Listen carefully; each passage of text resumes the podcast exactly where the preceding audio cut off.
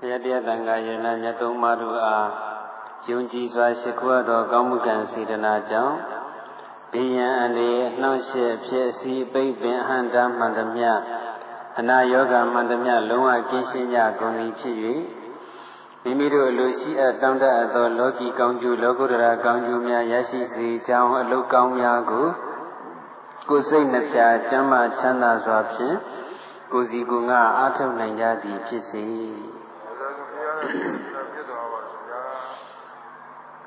သီလာတောင်းဆိုလိုက်အာဘာလီဣသာရဏိနာသာ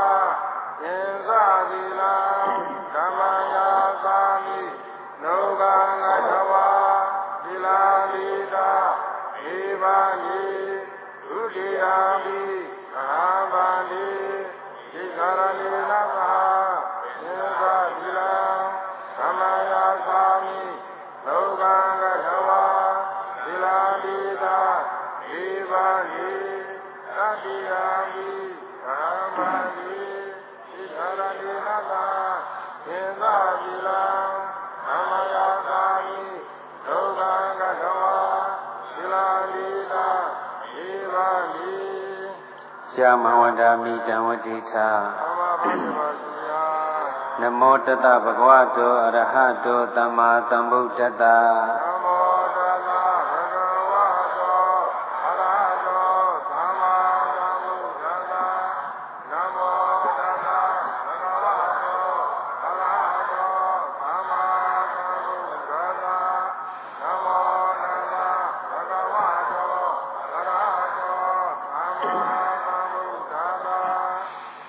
ဒ္ဓံတရဏံကိသာမိဓမ္မံတရဏံကိသာမိသံဃံတရဏံကိသာမိ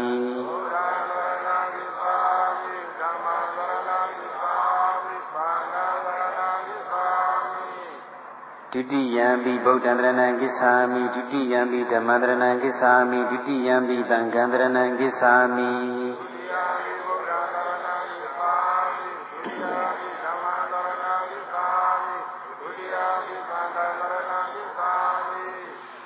တတိယံပိဗုဒ္ဓံတရဏံကိသာမိတတိယံပိဓမ္မံတရဏံကိသာမိတတိယံပိသံဃံတရဏံကိသာမိ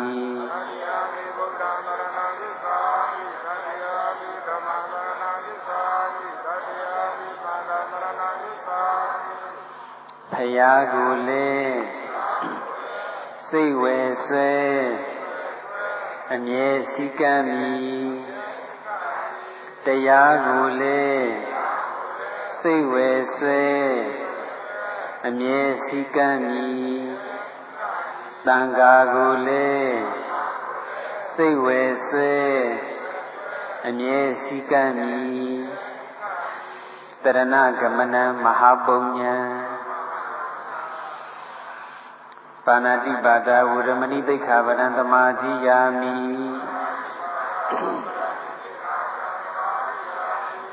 သူအသက်လေ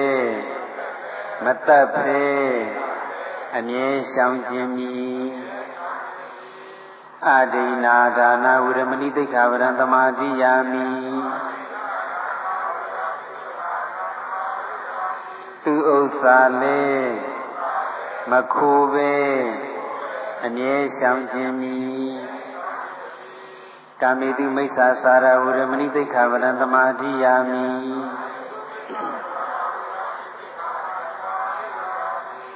ကာမဂုံမွဲကျင့်ဖောက်လွဲအမြဲရှောင်ခြင်းမီမုဒဝါဒဝရမဏိတိခဗရံတမာတိယာမိလိညာ၍လေမပြောပဲအမြဲရှောင်ခြင်းမီ တုရာမိရယမစ္ဆပမတ္တဌာနဝရမဏိတိခာဗရံသမာဓိယာမိ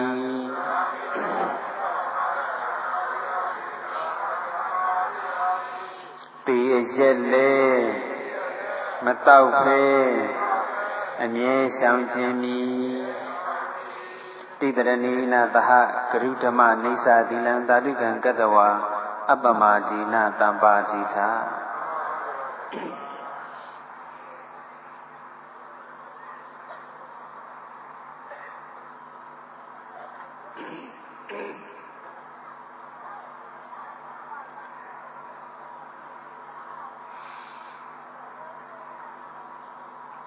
ကဲအတန် စဖမ်းလို့ရပါနော်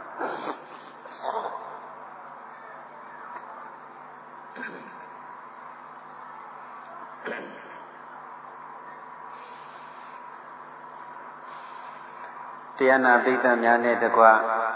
စัจ java လာအနန္တမှာရှိကြတဲ့လူနတ်မြမတတ္တဝါအားလုံးကိုရောစိတ်ပါကျမ်းမာချမ်းသာကြပါစေလို့နှုတ်ခွန်းဆက်မေတ္တာပို့သရင် ဒီနေ့2000ခုနှစ်ဒီဇင်ဘာလ29ရက်ရန်ကုန်မြို့တာမွေမြို့နယ်133လမ်းလမ်းမိသားစုမှဆင်ကျင်းပါတယ်ဗုဒ္ဓဟူးနေ့အပတ်စဉ်ဆွမ်းအလူရေစက်ချအထိန်အမှတ်ဓမ္မသဘင်မှာငါ့ကိုမချစ်ပါနဲ့လို့အမိပေးထားတဲ့တရားတစ်ပုဒ်နဲ့ ဓမ္မဒါန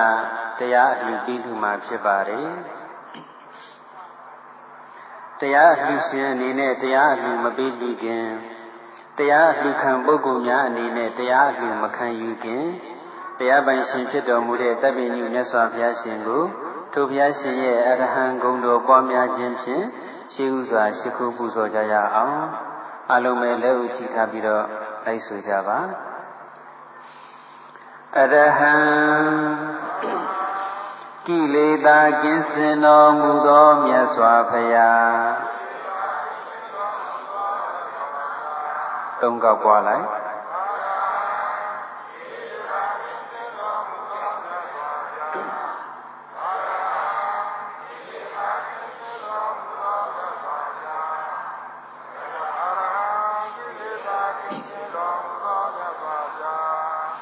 အရဟံစိတ်ကြွယ်ရာရ၌ပင်မကောင်းမှုကိုပြုတော်မမူသောမြတ်စွာဘုရားအရဟံစိတ်ကြွယ်ရာရ၌ပင်မကောင်းမှုကိုပြုတော်မမူသောမြတ်စွာဘုရား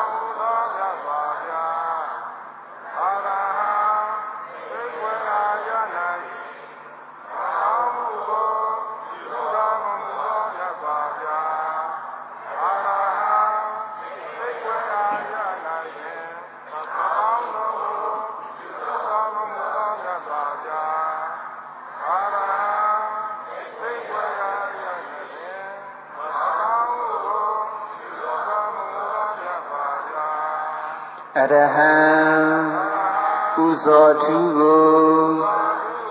ခံယူတော်မူထိုက်သောမြတ်စွာဘုရား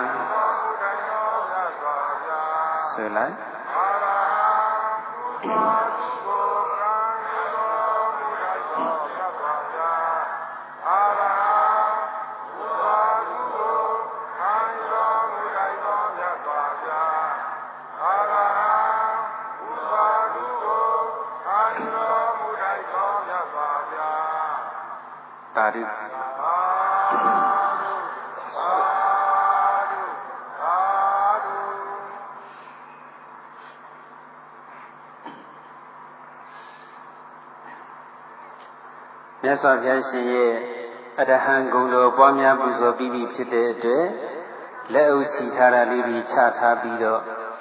မျက်လုံးလေးတွေမှိတ်မထားပဲဖွင့်ထားပြီးတော့ထိုင်တဲ့ဣရိယာပုဂ္ဂိုလ်လည်းပဲပုံစံတစ်မျိုးညောင်းရင်ပုံစံတစ်မျိုးပြောင်းပြီးတော့တက်တာတဲ့ဣရိယာပုနဲ့ချမ်းသာစွာတရားနာယူနိုင်ကြပါပြီဒီနေ့ဟောမယ့်တရားကောင်းစဉ်ကပါတယ်လေ ငါ့ကိုမချစ်ပါနဲ့ငါ့ကိုမချစ်ပါနဲ့ဆိုတဲ့စကားရက်ကပြောဆိုသူရဲ့နှလုံးသွင်းပေါ်မူတည်ပြီးတော့နားထောင်သူရဲ့နှလုံးသွင်းပေါ်မူတည်ပြီးတော့အတိတ်ပဲမျိုးမျိုးတက်ရောက်နိုင်ပါတယ်ကိုယ့်ကိုချစ်ခွင့်ပန်းလာတဲ့လူတယောက်ကိုကိုကပြန်မချစ်နိုင်လို့ငါ့ကိုမချစ်ပါနဲ့လို့ညင်းပယ်လိုက်တဲ့အတိတ်ပဲလည်းပဲတက်ရောက်နိုင်ပါတယ် ကိုယ့်ကိုချစ်ခွင့်ပန်းလာတဲ့လူတယောက်ကိုကိုကချစ်ပေမဲ့မိဘကသဘောမတူလို့ဆွေမျိုးတိုင်းဝိုင်းကသဘောမတူလို့အဆက်ရှိတဲ့ဆန့်ကျင်ဘက်အကြောင်းတရားတွေကြောင့်ချစ်ပင်ချစ်တော်ညာလေရင်းပယ်တဲ့အနေနဲ့ငါကိုမချစ်ပါနဲ့လို့ပြောဆိုလိုက်တဲ့အဓိပ္ပာယ်လေတက်ရောက်နိုင်ပါတယ်ပြောဆိုသူရဲ့နှလုံးသွင်းနားထောင်သူရဲ့နှလုံးသွင်းပေါ်မူတည်ပြီးတော့အဓိပ္ပာယ်မျိုးမျိုးတက်ရောက်နိုင်တာပေါ့ ငါကိုမချစ်ပါနဲ့ဆိုတဲ့စကားရက်ကလေးကိုဘယ်လိုအဓိပ္ပာယ်ပေါက်လဲဘယ်လိုသဘောပေါက်လဲလို့တကားလေးတယောက်ကိုမေးကြည့်တော့သူကဗာပြန်ပြောလဲဆိုရင်ငါကိုမချစ်ပါနဲ့ငါကဘုန်းကြီးဖြစ်နေလို့ပါတဲ့သူလည်းပဲသူအဓိပ္ပာယ်ပေါက်ချင်လို့ပေါက်တာပေါ့နော်ဘုန်းကြီးတစ်ပါးကမင်းကလေးတယောက်ကိုပြောလိုက်တဲ့ပုံစံမျိုးသူကယူဆလိုက်တာပေါ့ အဲ့ဒီလိုအဖြစ်ပေါ့ဒီစကားရက်ကလေးကပြောသူရဲ့နှလုံးသွင်းနားထောင်သူရဲ့နှလုံးသွင်းပေါ်မူတည်ပြီးတော့အတိတ်ပဲတွေအများကြီးထွက်နိုင်ပါတယ်အဲ့ဒီလိုအတိတ်ပဲတွေအများကြီးထွက်နိုင်တဲ့အထက်ကဥစဉ်တို့ဒီနေ့ဓမ္မဒါနအနေနဲ့ပြောခြင်းတဲ့အတိတ်ပဲကတော့အဲ့ဒီအတိတ်ပဲကိုသိဖို့အတွက်ဓမ္မပုံမြင်လေးတစ်ခုကိုအရင်ဆုံးအာယုံပြုကြည့်ရအောင် ရတနာဘုံခေတ်ကဆရာတော်ကြီးတစ်ပါးမိန့်ကြားတော်မူခဲ့တဲ့ဓမ္မပုံမြင်လေးဖြစ်ပါတယ်အဲ့ဒီဆရာတော်ဖျားကြီးရဲ့ပုံမြင်လေးကိုအနေငယ်ပြုပြင်ပြီးတော့ဦးဇင်းတို့ပြောတော့ပါမယ်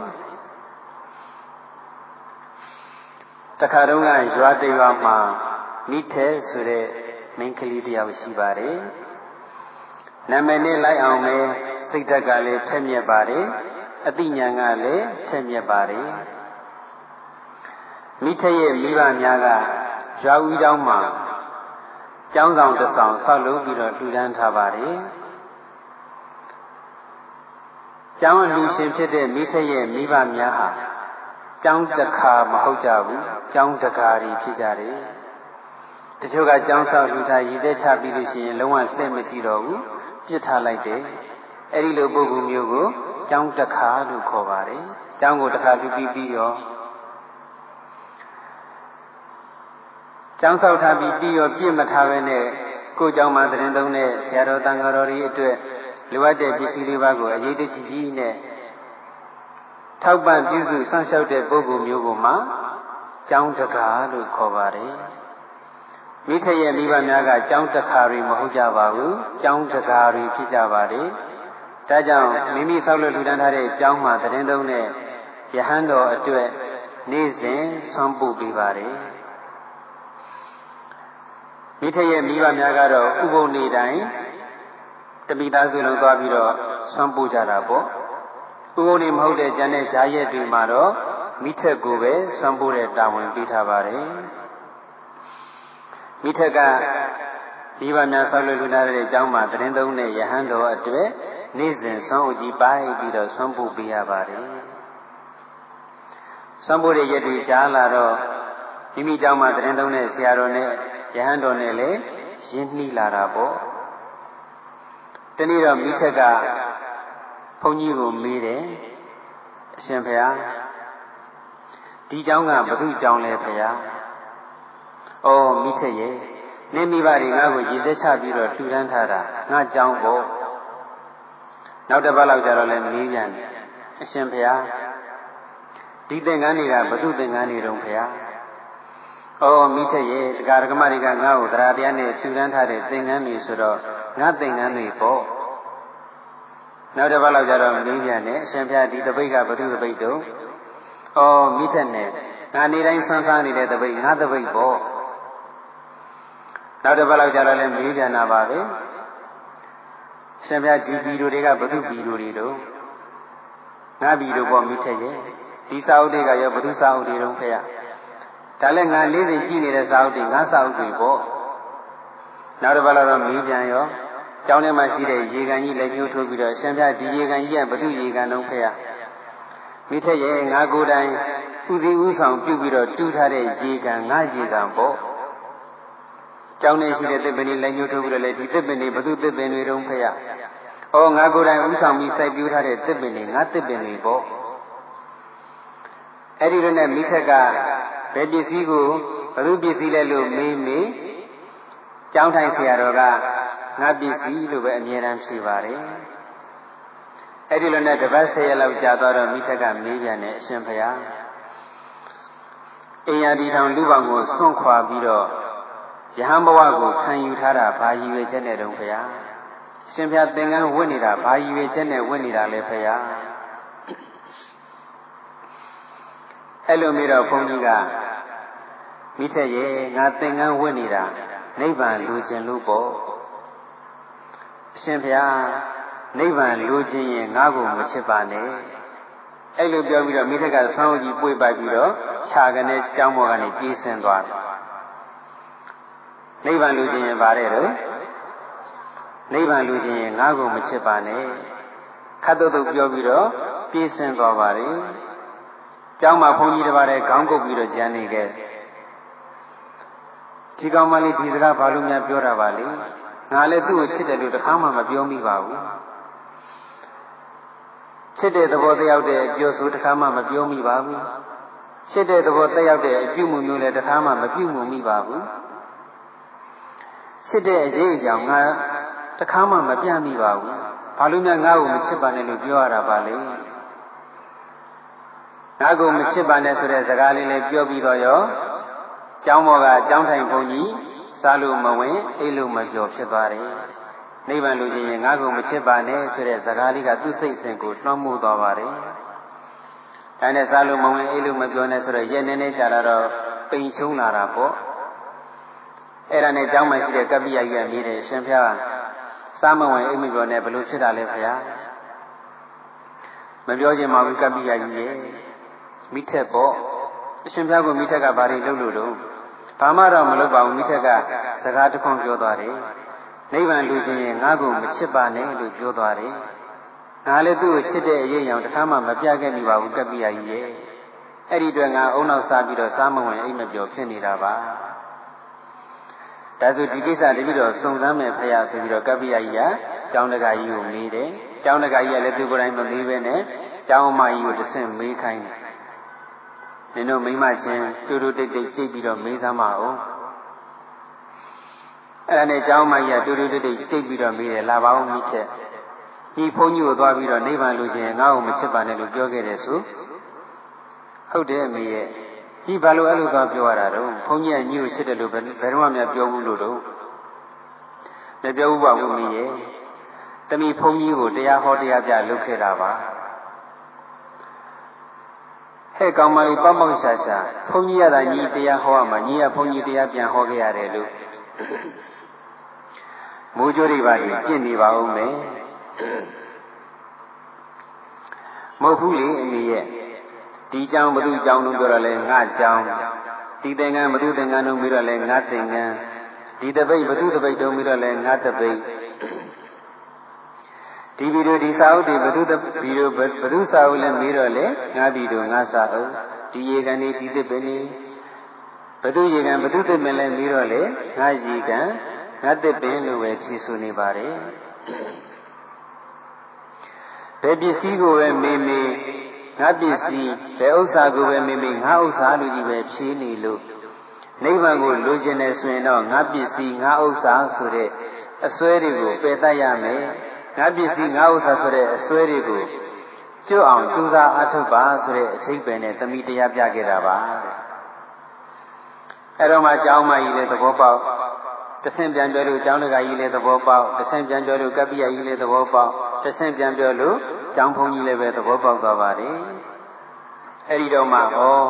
မိထက်ပြောတာလဲဟုတ်သားပဲဆိုပြီးတော့ကျောင်းဖုန်းကြီးကလည်းတရားအသိတူသွားပါတယ်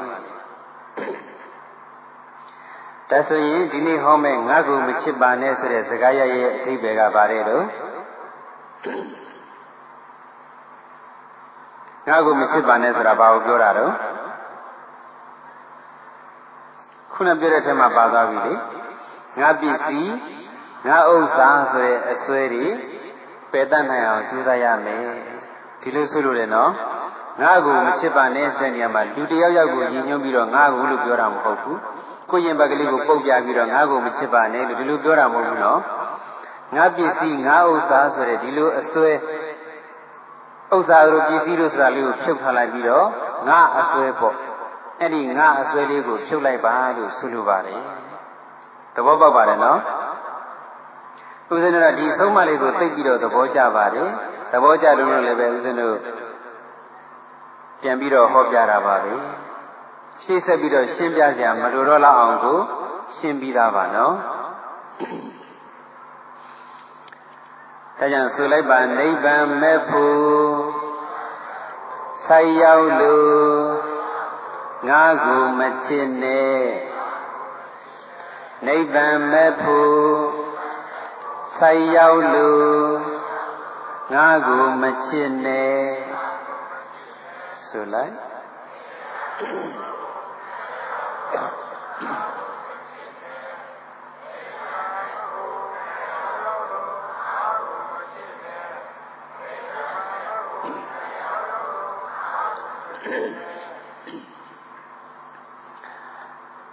အဖို့နိဗ္ဗာန်ကိုရချင်တယ်ဆိုရင်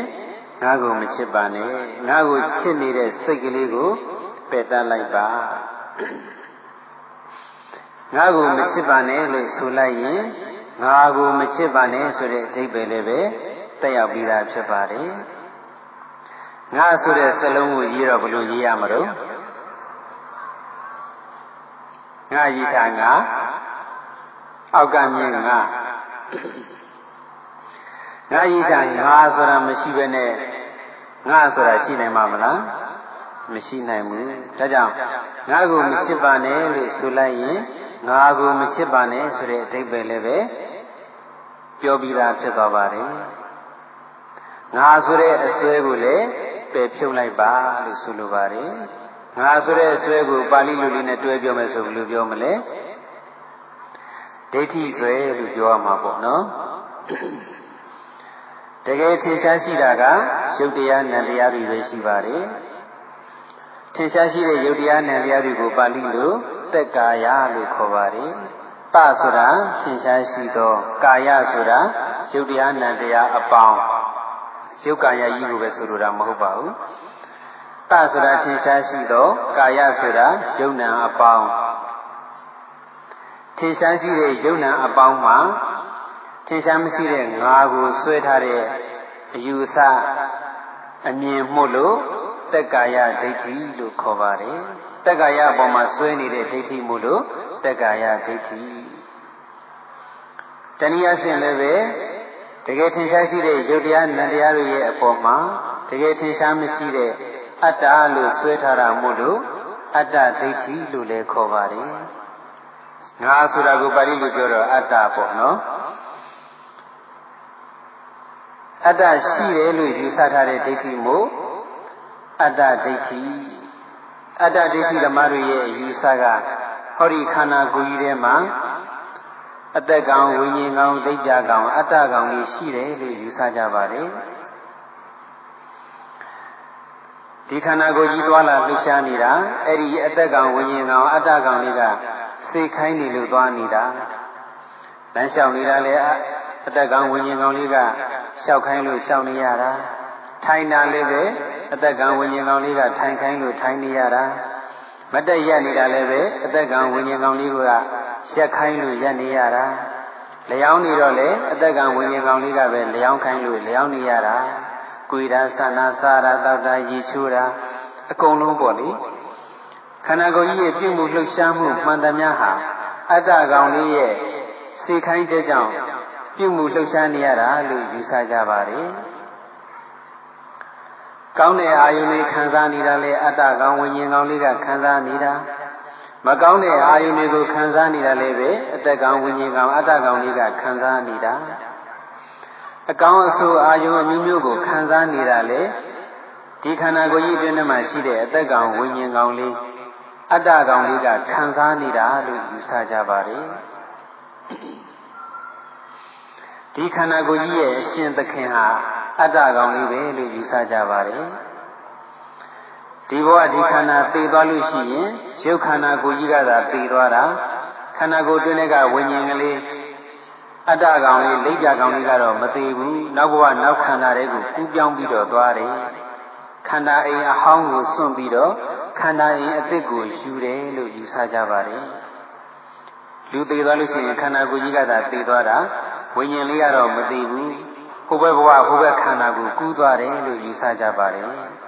အဲ့ဒါအတ္တဒိဋ္ဌိသမားတွေရဲ့လွဲမှားတဲ့အယူဆဖြစ်ပါတယ်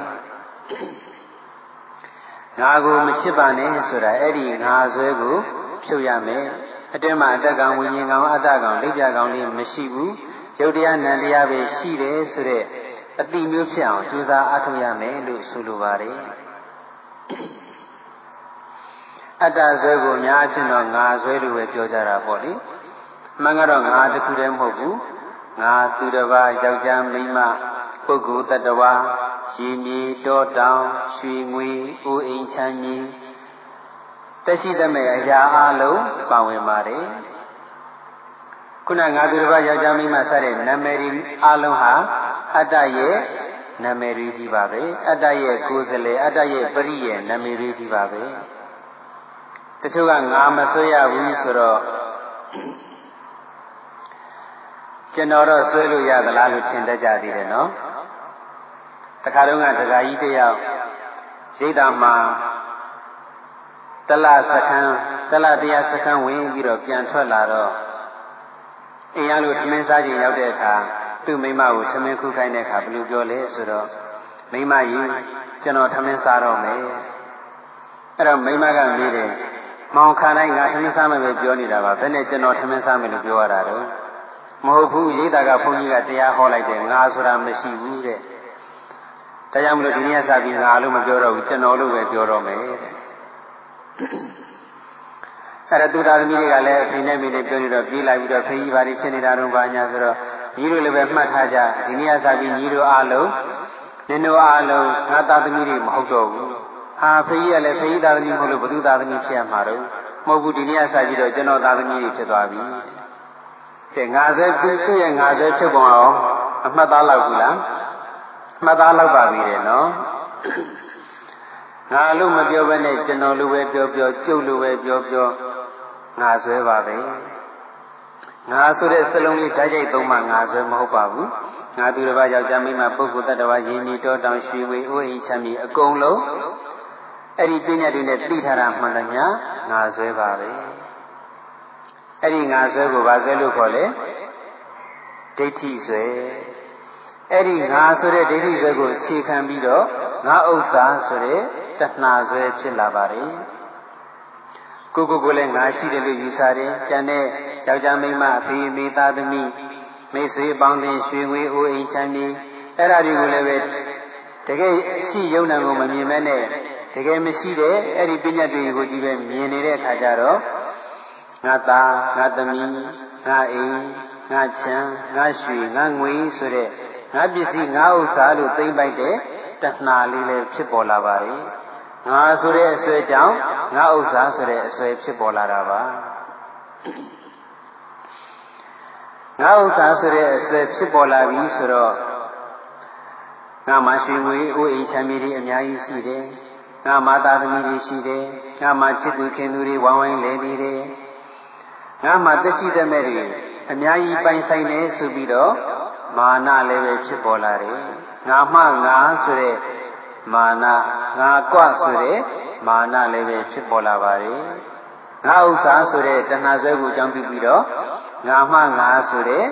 မာနဆွဲဖြစ်ပေါ်လာပါတယ်ငါရဲ့ ငါဥစ္စာရဲ့ငါမှငါရဲ့အဲ့ဒီအစဉ်အတိုင်းပြောမယ်ဆိုရင်တော့ဆွဲသုံးမျိုးကဘာတွေတော့ဒိဋ္ဌိဆွဲပြီးတော့တဏှာဆွဲပြီးတော့မာနဆွဲတရားနာပိဒနာရဲ့ဖြည့်တဲ့အတန်ဥစဉ်တော့မကြားရဘူးနော်အတန်မဲ့တိုးလို့လားဝေးပဲနေလို့လားတော့မပြောတတ်ဘူးအဲ့တော့ငါရဲ့ငါဥစ္စာရဲ့ငါမငါရဲ့သုံးခုကိုစင်တိုင်းပြောလို့ရှိရင်တော့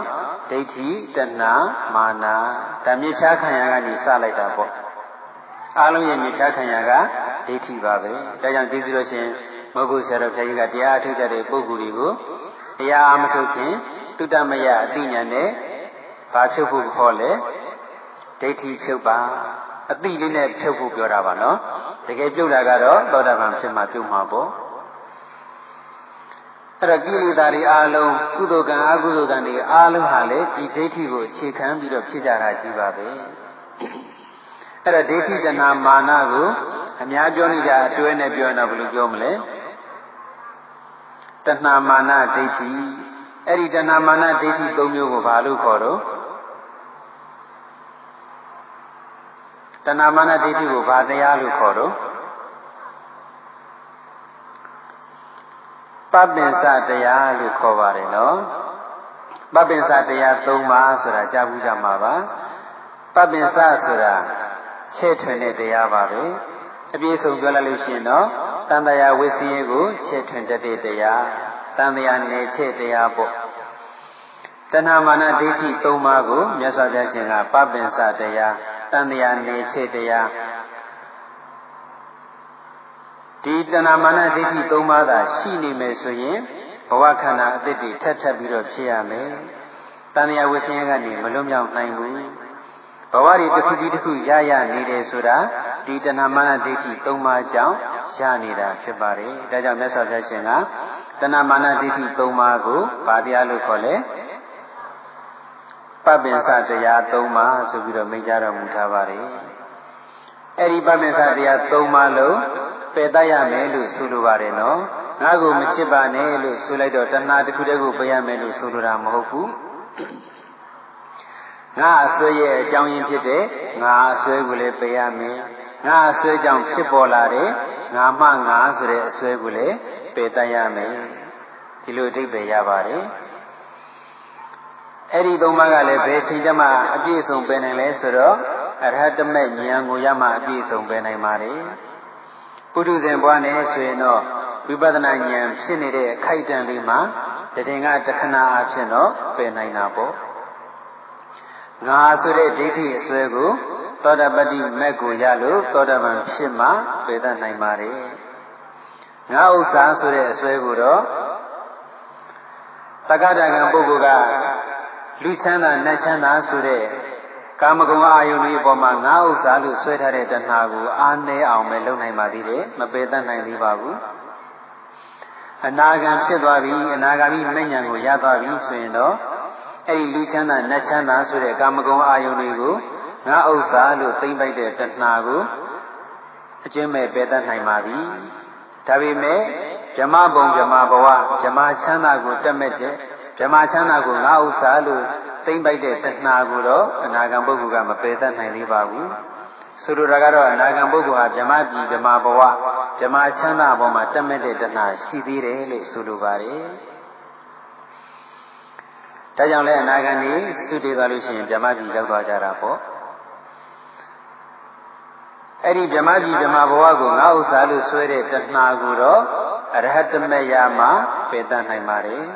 ငါမှငါဆိုတဲ့မာနဆွဲကိုလည်းပဲအရဟတမတ်ကိုရမှအကျဉ်းမဲ့ပယ်တတ်နိုင်ပါလေဒီတော့ဒီငါကိုမချစ်ပါနဲ့ဆိုတာဒီအစွဲသုံးမျိုးလုံးကိုအရဟတမတ်နဲ့ပယ်နိုင်တဲ့အထိကြိုးစားအထုတ်ပါယန္နာဖြစ်အောင်အထုတ်ပါလို့ဆိုလိုတာပါပဲအရဟတမတ်အရဟတဖို့နဲ့နိဗ္ဗာန်ကိုမျက်မှောက်ပြုနိုင်ပြီဆိုမှနိဗ္ဗာန်ချမ်းသာကိုအပြီးအပိုင်ရတာပါ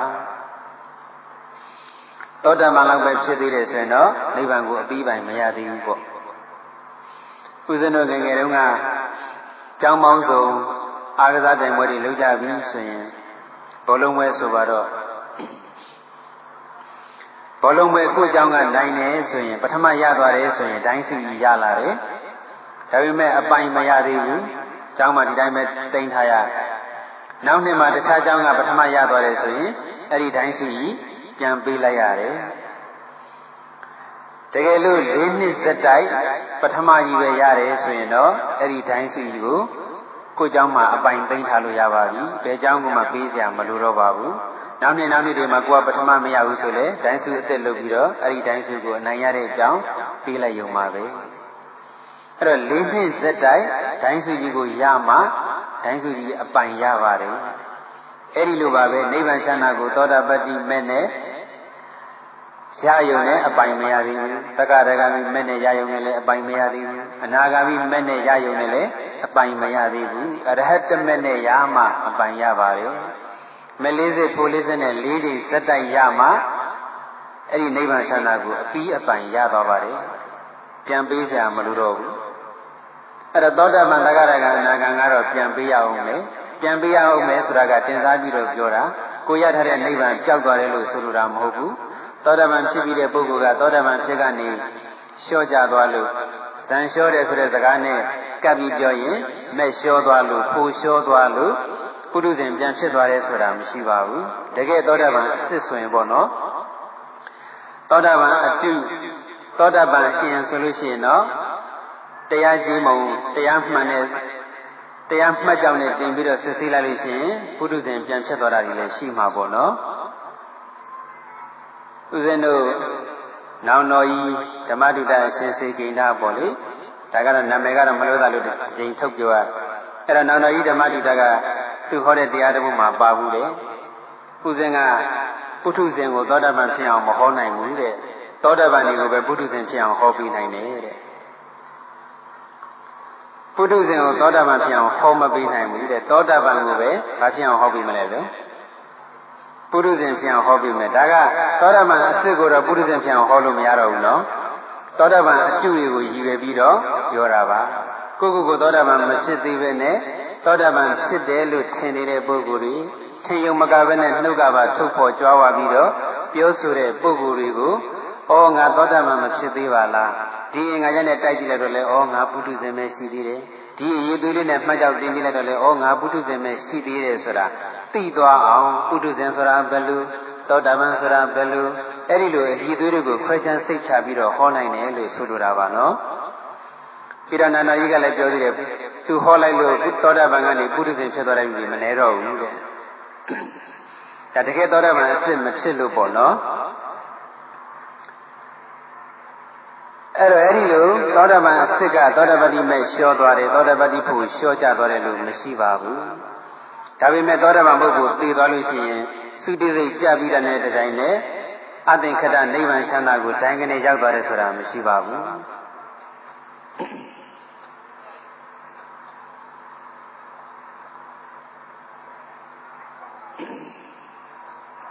တက္ကရာငံပုဂ္ဂိုလ်သိသွားလို့ရှိရင်လေနိဗ္ဗာန်ကိုဒိုင်းကနေရောက်မသွားသေးဘူး အနာဂံပုဂ္ဂိုလ်သိလို့ရှိရင်လည်းနိဗ္ဗာန်ကိုတိုင်းကနေရောက်မသွားသေးဘူးလူဘဝနတ်ဘဝဓမ္မဘဝစတဲ့ဘဝတစ်ခုခုကိုရောက်ရအောင်မယ်ယဟန္တာပုဂ္ဂိုလ်သုတိသွားပြီဆိုရင်တော့ပရိနိဗ္ဗာန်သုတိစိတ်ကြာတာနဲ့ဒီတိုင်းနဲ့အသင်္ကရနိဗ္ဗာန်ကိုချက်ချင်းပဲရောက်သွားပါတယ်အဲ့ဒီနိဗ္ဗာန်ကနေပြီးတော့ဟောဒီတန်တရားဝိစင်ရဲ့ကိုဘယ်တော့မှပြန်မလာတော့ပါဘူးယဟန္တာရှင်မြတ်မျက်မှောက်ပြုသွားတဲ့အဲ့ဒီနိဗ္ဗာန်ချမ်းသာကြီးကလည်း ဘယ်တော့ဆိုဘယ်တော့မှမပြည့်စည်တော့ပါဘူးထာဝရကြည်မြဲသွားပါပြီနိဗ္ဗာန်ဆိုတဲ့ဒိုင်းစုကြီးကိုအပြီးအပိုင်ရရှိသွားပါပြီအဲ့ဒီလိုနိဗ္ဗာန်ဆိုတဲ့ဒိုင်းစုကြီးကိုအပြီးပိုင်ရရှိသွားတာဘာကြောင့်လဲဆိုရင်ငါကိုမချစ်လို့ငါကိုချစ်တဲ့စိတ်ကိုပယ်တတ်နိုင်လို့ဒါကြောင့်ပြန်ဆိုလိုက်ပါပါရဲ့တော့နာရင်မမေ့သွားပြီရှင်။ဆောင်းပုတ်လေးလေ ကဲဆိုလိုက်ပါတော့နိဗ္ဗာန်မဲ့ဖို့ဆိုင်ရောက်လို့ငါကိုမချစ်နဲ့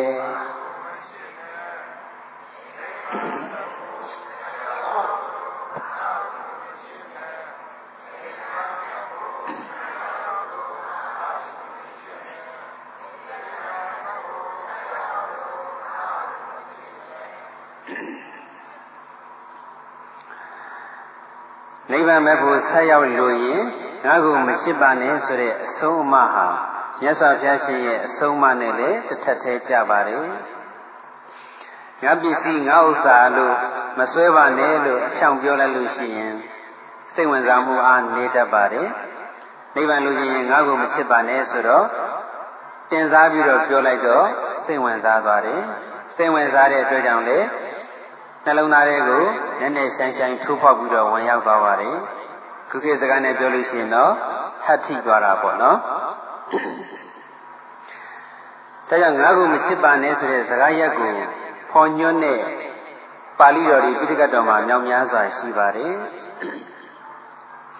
အဲဒီလိုမြောက်များစွာရှိတဲ့အထဲကအဆုံးအမလေးတစ်ခုကိုအကြံဉာဏ်ဆိုလို့ပြောပြချင်ပါတယ် အကြံဉာဏ်ဆိုတာကနည်းနည်းလေးချဲ့တာပြောတာပေါ့သူအရှိတိုင်းပြောရင်တော့10မိနစ်နဲ့ပြီးပါတယ်အဲ့ဒီအဆုံးအမလေးဖြစ်ပေါ်လာပုံကတော့မြတ်စွာဘုရားရှင်လက်ထက်တုန်းကတာဝိတိမြို့မှာပင်ဆက်ကဓာယကဆိုတဲ့ပုံနာကြီးတယောက်ရှိပါတယ်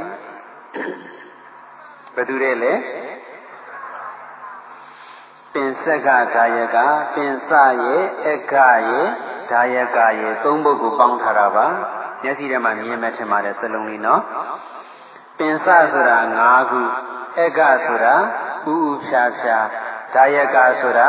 ပေးလှီတတ်တာဥဥဖြာဖြာ၅မျိုးပေးလှီတတ်တဲ့ပုဂ္ဂိုလ်ဖြစ်လို့သူ့ကိုပင်ဆက်ကဒါယကလို့ခေါ်ပါတယ်သူ့ရဲ့နာမည်ရင်းတစ်ခုခုတော့ရှိမှာပေါ့လေသူလုပ်တဲ့အလုပ်ကို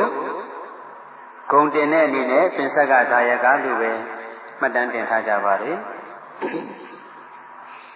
ဥပ္ပဒါ၅မျိုးကဘာတွေလဲဆိုရင်သူကလေယာလုပ်ငန်းနဲ့အတံမေဝကြောင့်လုပ်တဲ့ပုဂ္ဂိုလ်ဆိုတော့လေထဲမှာကောက်ပင်နေစပြီးတော့စိုက်တဲ့အချိန်ကြတော့လေလေဥအလှူဆိုပြီးတော့လှူဒန်းပါတယ်စဘာနဲ့နေရှင်းမဲ့လို့ရိတ်သိမ်းတဲ့အချိန်ကြတော့ကောက်ဥအလှူဆိုပြီးတော့လှူပါတယ် အဲ့ဒီစဘာတွေကိုတလင်းထဲမှာချွေလှနေပြီးလို့စပကြီးတဲ့တွန်းပြီးတဲ့တွန်းတဲ့အချိန်ကြတော့ကြည်ဥအလှူဆိုပြီးတော့လှူပါတယ်ထမင်းချက်တဲ့အချိန်ကြတော့မိဘဘောကိုထမင်းအိုးတင်လိုက်တဲ့အချိန်ကြတော့အိုးဥအလှဆိုပြီးတော့လှူပါတယ်။အိုးဥအလှဘယ်လိုလှူသလဲဆိုတာတော့ပြမထားပါဘူး။တွေးကြည့်ရတာကတော့ထမင်းချက်ခံနီး အိုးတဲ့ဆန်ထည့်တဲ့အခါကိုစားမဲ့ဆန်ထဲကနေပြီးတော့တချို့တစ်ဝက်ကိုလှူဖို့ဆိုပြီးတော့ဥဥဖြားဖြားဖဲ့ထားတယ်လို့ယူဆရတာပါပဲ။ဆိုတော့နှုတ်စီဘူး၃လုံးချက်မယ်ဆိုရင်နှုတ်စီဘူးတစ်လုံးကိုတဆုပ်နှုံးနဲ့ဆန်လက်သုံးစုပ်ဖယ်ပြီးတော့လှူဖို့ဆိုပြီးတော့တီးသားလေးခွဲထားလိုက်တယ်ဒါနပုံဒါနပုံလို့နာမည်ပေးထားတဲ့ဆံပုံလေးတွေကို အဲ့ဒီဆံသုံးစုပ်ထည့်ပြီးတော့စုဆောင်းထားလိုက်တာပေါ့ပြီးတော့မှပြည့်စုံလာတဲ့အခါချက်ဖို့တန်ဃာတွေလှူဖို့ပြေးလာတဲ့အခါကျတော့ချက်ပြီးတော့လှူလိုက်တာပေါ့အဲ့တော့အိုးရဲရောက်ပြီးသားဆံတွေက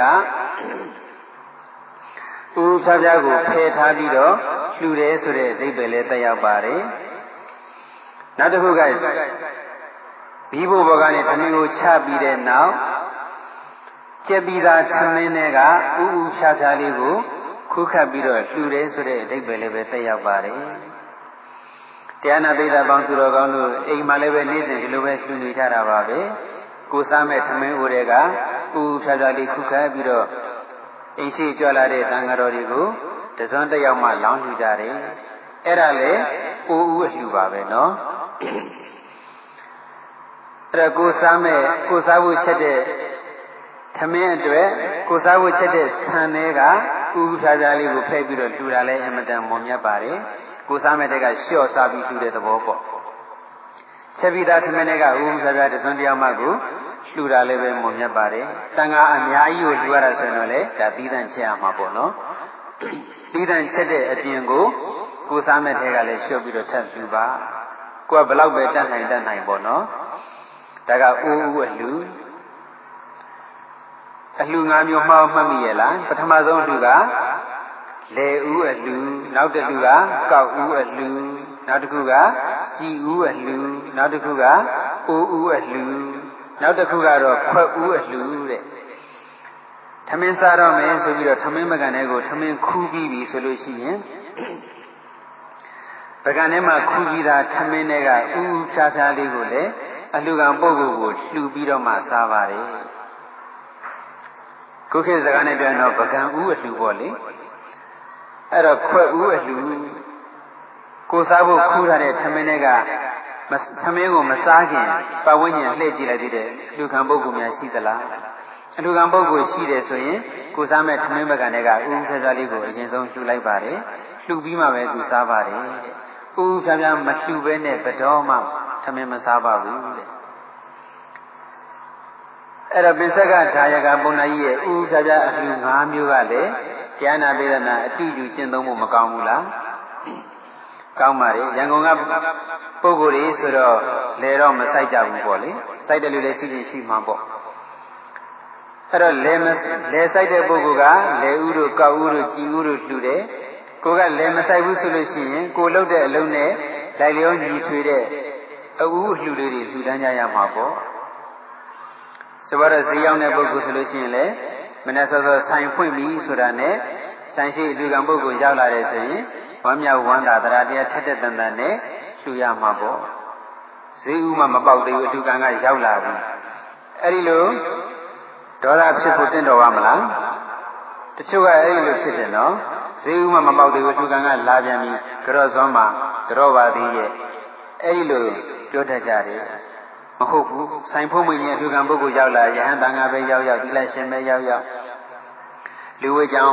တောင်းရန်စားတဲ့ပုဂ္ဂိုလ်တွေပဲရောက်ရောက်ဘသူပဲရောက်လာရောက်လာအဲငါဆိုင်မှုကိုတူအောင်မယ်ဟဲ့ဆိုပြီးတော့ဝမ်းမြောက်ဝမ်းသာနဲ့တူအောင်မယ်နော်လာကစားဝန်တန်းနေကြတော့ဘောကဘယ်လိုတူမလဲလာကဘူးအတူဆိုပြီးတော့တူအောင်မှာပေါ့လာကဘူးဆိုတာကအလုဆဝင်လို့ပထမဆုံးရတဲ့လာကကူတာလာကကူလို့ဆိုလိုတာမဟုတ်ပါဘူး လာစဉ်လာစဉ်လာကုံတိုင်းချုပ်လိုက်တဲ့လာကတွေကနေပြီးတော့ဥဥဖြားဖြားလေးဖဲ့ပြီးတော့လှူတာကိုလှူတာကိုလည်းလာကကူအလှူလို့ခေါ်နိုင်ပါတယ်လာကထုတ်တဲ့နေ့တော့ဆိုတော့အမျိုးသမီးဝန်ထမ်းနေဆိုလို့ရှိရင်လာကထုတ်တဲ့နေ့မှာလာကထုတ်ထားတဲ့ပတ်စံလေးကင်ပြီးတော့ဘုန်းကြီးကျောင်းပြေးလားအထယ်ဆိုင်ပြေးလားတရင်စီပြေးလားဘုန်းကြီးကျောင်းပြေးလားတရေသေးပြည့်တဲ့လူကများမယ်ထင်တယ်နော် အဲ့တော့လာကလေးရလာပြီဆိုရင်ပထမဆုံးရတဲ့လာကမှမဟုတ်ဘူးလာစဉ်လာစဉ်ရတဲ့ကိုရတဲ့လာကလေးတွေကဘယ်လောက်ကိုတော့ဖြင့်ဘုရားကိုလူမယ်ဘယ်လောက်ကိုတော့ဖြင့်တရားကိုလူမယ်ဘယ်လောက်ကိုတော့ဖြင့်သံဃာကိုလူမယ်ဘယ်လောက်ကိုတော့ဖြင့်မိဘကိုလူမယ်ဘယ်လောက်ကိုတော့ဖြင့်အကိုမဥကြီးဦးလေးတော်ကြီးတော်လေးစသည်အဖြစ်ပေါ့လေအလေးမြတ်ပြုထိုက်တဲ့သူတဲ့လှူထိုက်တဲ့ပုံကိုယ်တွေကိုလှူမယ်လို့များနှလုံးသွင်းပြီးတော့ကိုစွမ်းနေသလားလှူမယ်ဆိုရင်ဘယ်လောက်မုံမြတ်ထားလဲ တခါတရံကိုကတက်နိုင်လို့လှူတာမျိုးကိုသာဆိုလိုတာမဟုတ်ဘူးနော်အဲ့လိုဥဥခသားလေးတွေလှူရတာကလည်းအင်မတန်ကြည်နူးစရာကောင်းပါတယ်ဥဥခသားလေးတွေလှူတော့ကျိုးပြီးတော့လေဥဥခသားလေးတွေပြီးတာပေါ့ဒါကြောင့်လေသမားကလေဥအတူတို့ဘာတို့လှူသလိုကိုကလည်းဆိုင်ဥအတူတို့လာကဥအတူတို့လှူဒန်းရမှာပေါ့ဒါတော့ကိုလုပ်တဲ့စီးပွားရေးလုပ်ငန်းပေါ်မူတည်ပြီးတော့ညာနဲ့ချက်ထွင်ပြီးတော့သဘောပေါက်လိုက်ပါ အလုပ်တစ်ခုလုပ်လိုက်လို့သဘောတော့ရိုးရိုးပုဂ္ဂလိကစီးပွားရေးသမားဆိုလို့ရှိရင်လေလုပ်ငန်းလေးတစ်ခုလုပ်လိုက်လို့အဆင်ပြေသွားပြီဆိုလို့ရှိရင်ကဲဒီလုပ်လေးဆင်ပြေသွားလို့ဒါဥဖြားဖြားလှူမယ်ဒီလိုလုပ်ရမှာပေါ့အများစုကတော့ဘယ်လိုလုပ်ကြတယ်လဲဆိုရင်လုပ်ငန်းလေးတစ်ခုအဆင်ပြေသွားပြီဝင်ကောင်းလေးပြီးသွားပြီဆိုရင်တငယ်ရင်းနေနဲ့စောက်လိုက်စားလိုက်ဒါပဲလုပ်ကြတာများတယ်နော်အဲ့ဒီလိုမလုပ်ရဘူး အလုပ်လေးတစ်ခုအဆင်ပြေသွားတဲ့ဆိုရင်ဥပ္ပခါပြဘုန်းကြီးကြောင့်ပြည်ပြီးထူတာမျိုးဖယားပြည်ပြီးထူတာမျိုးမိဘ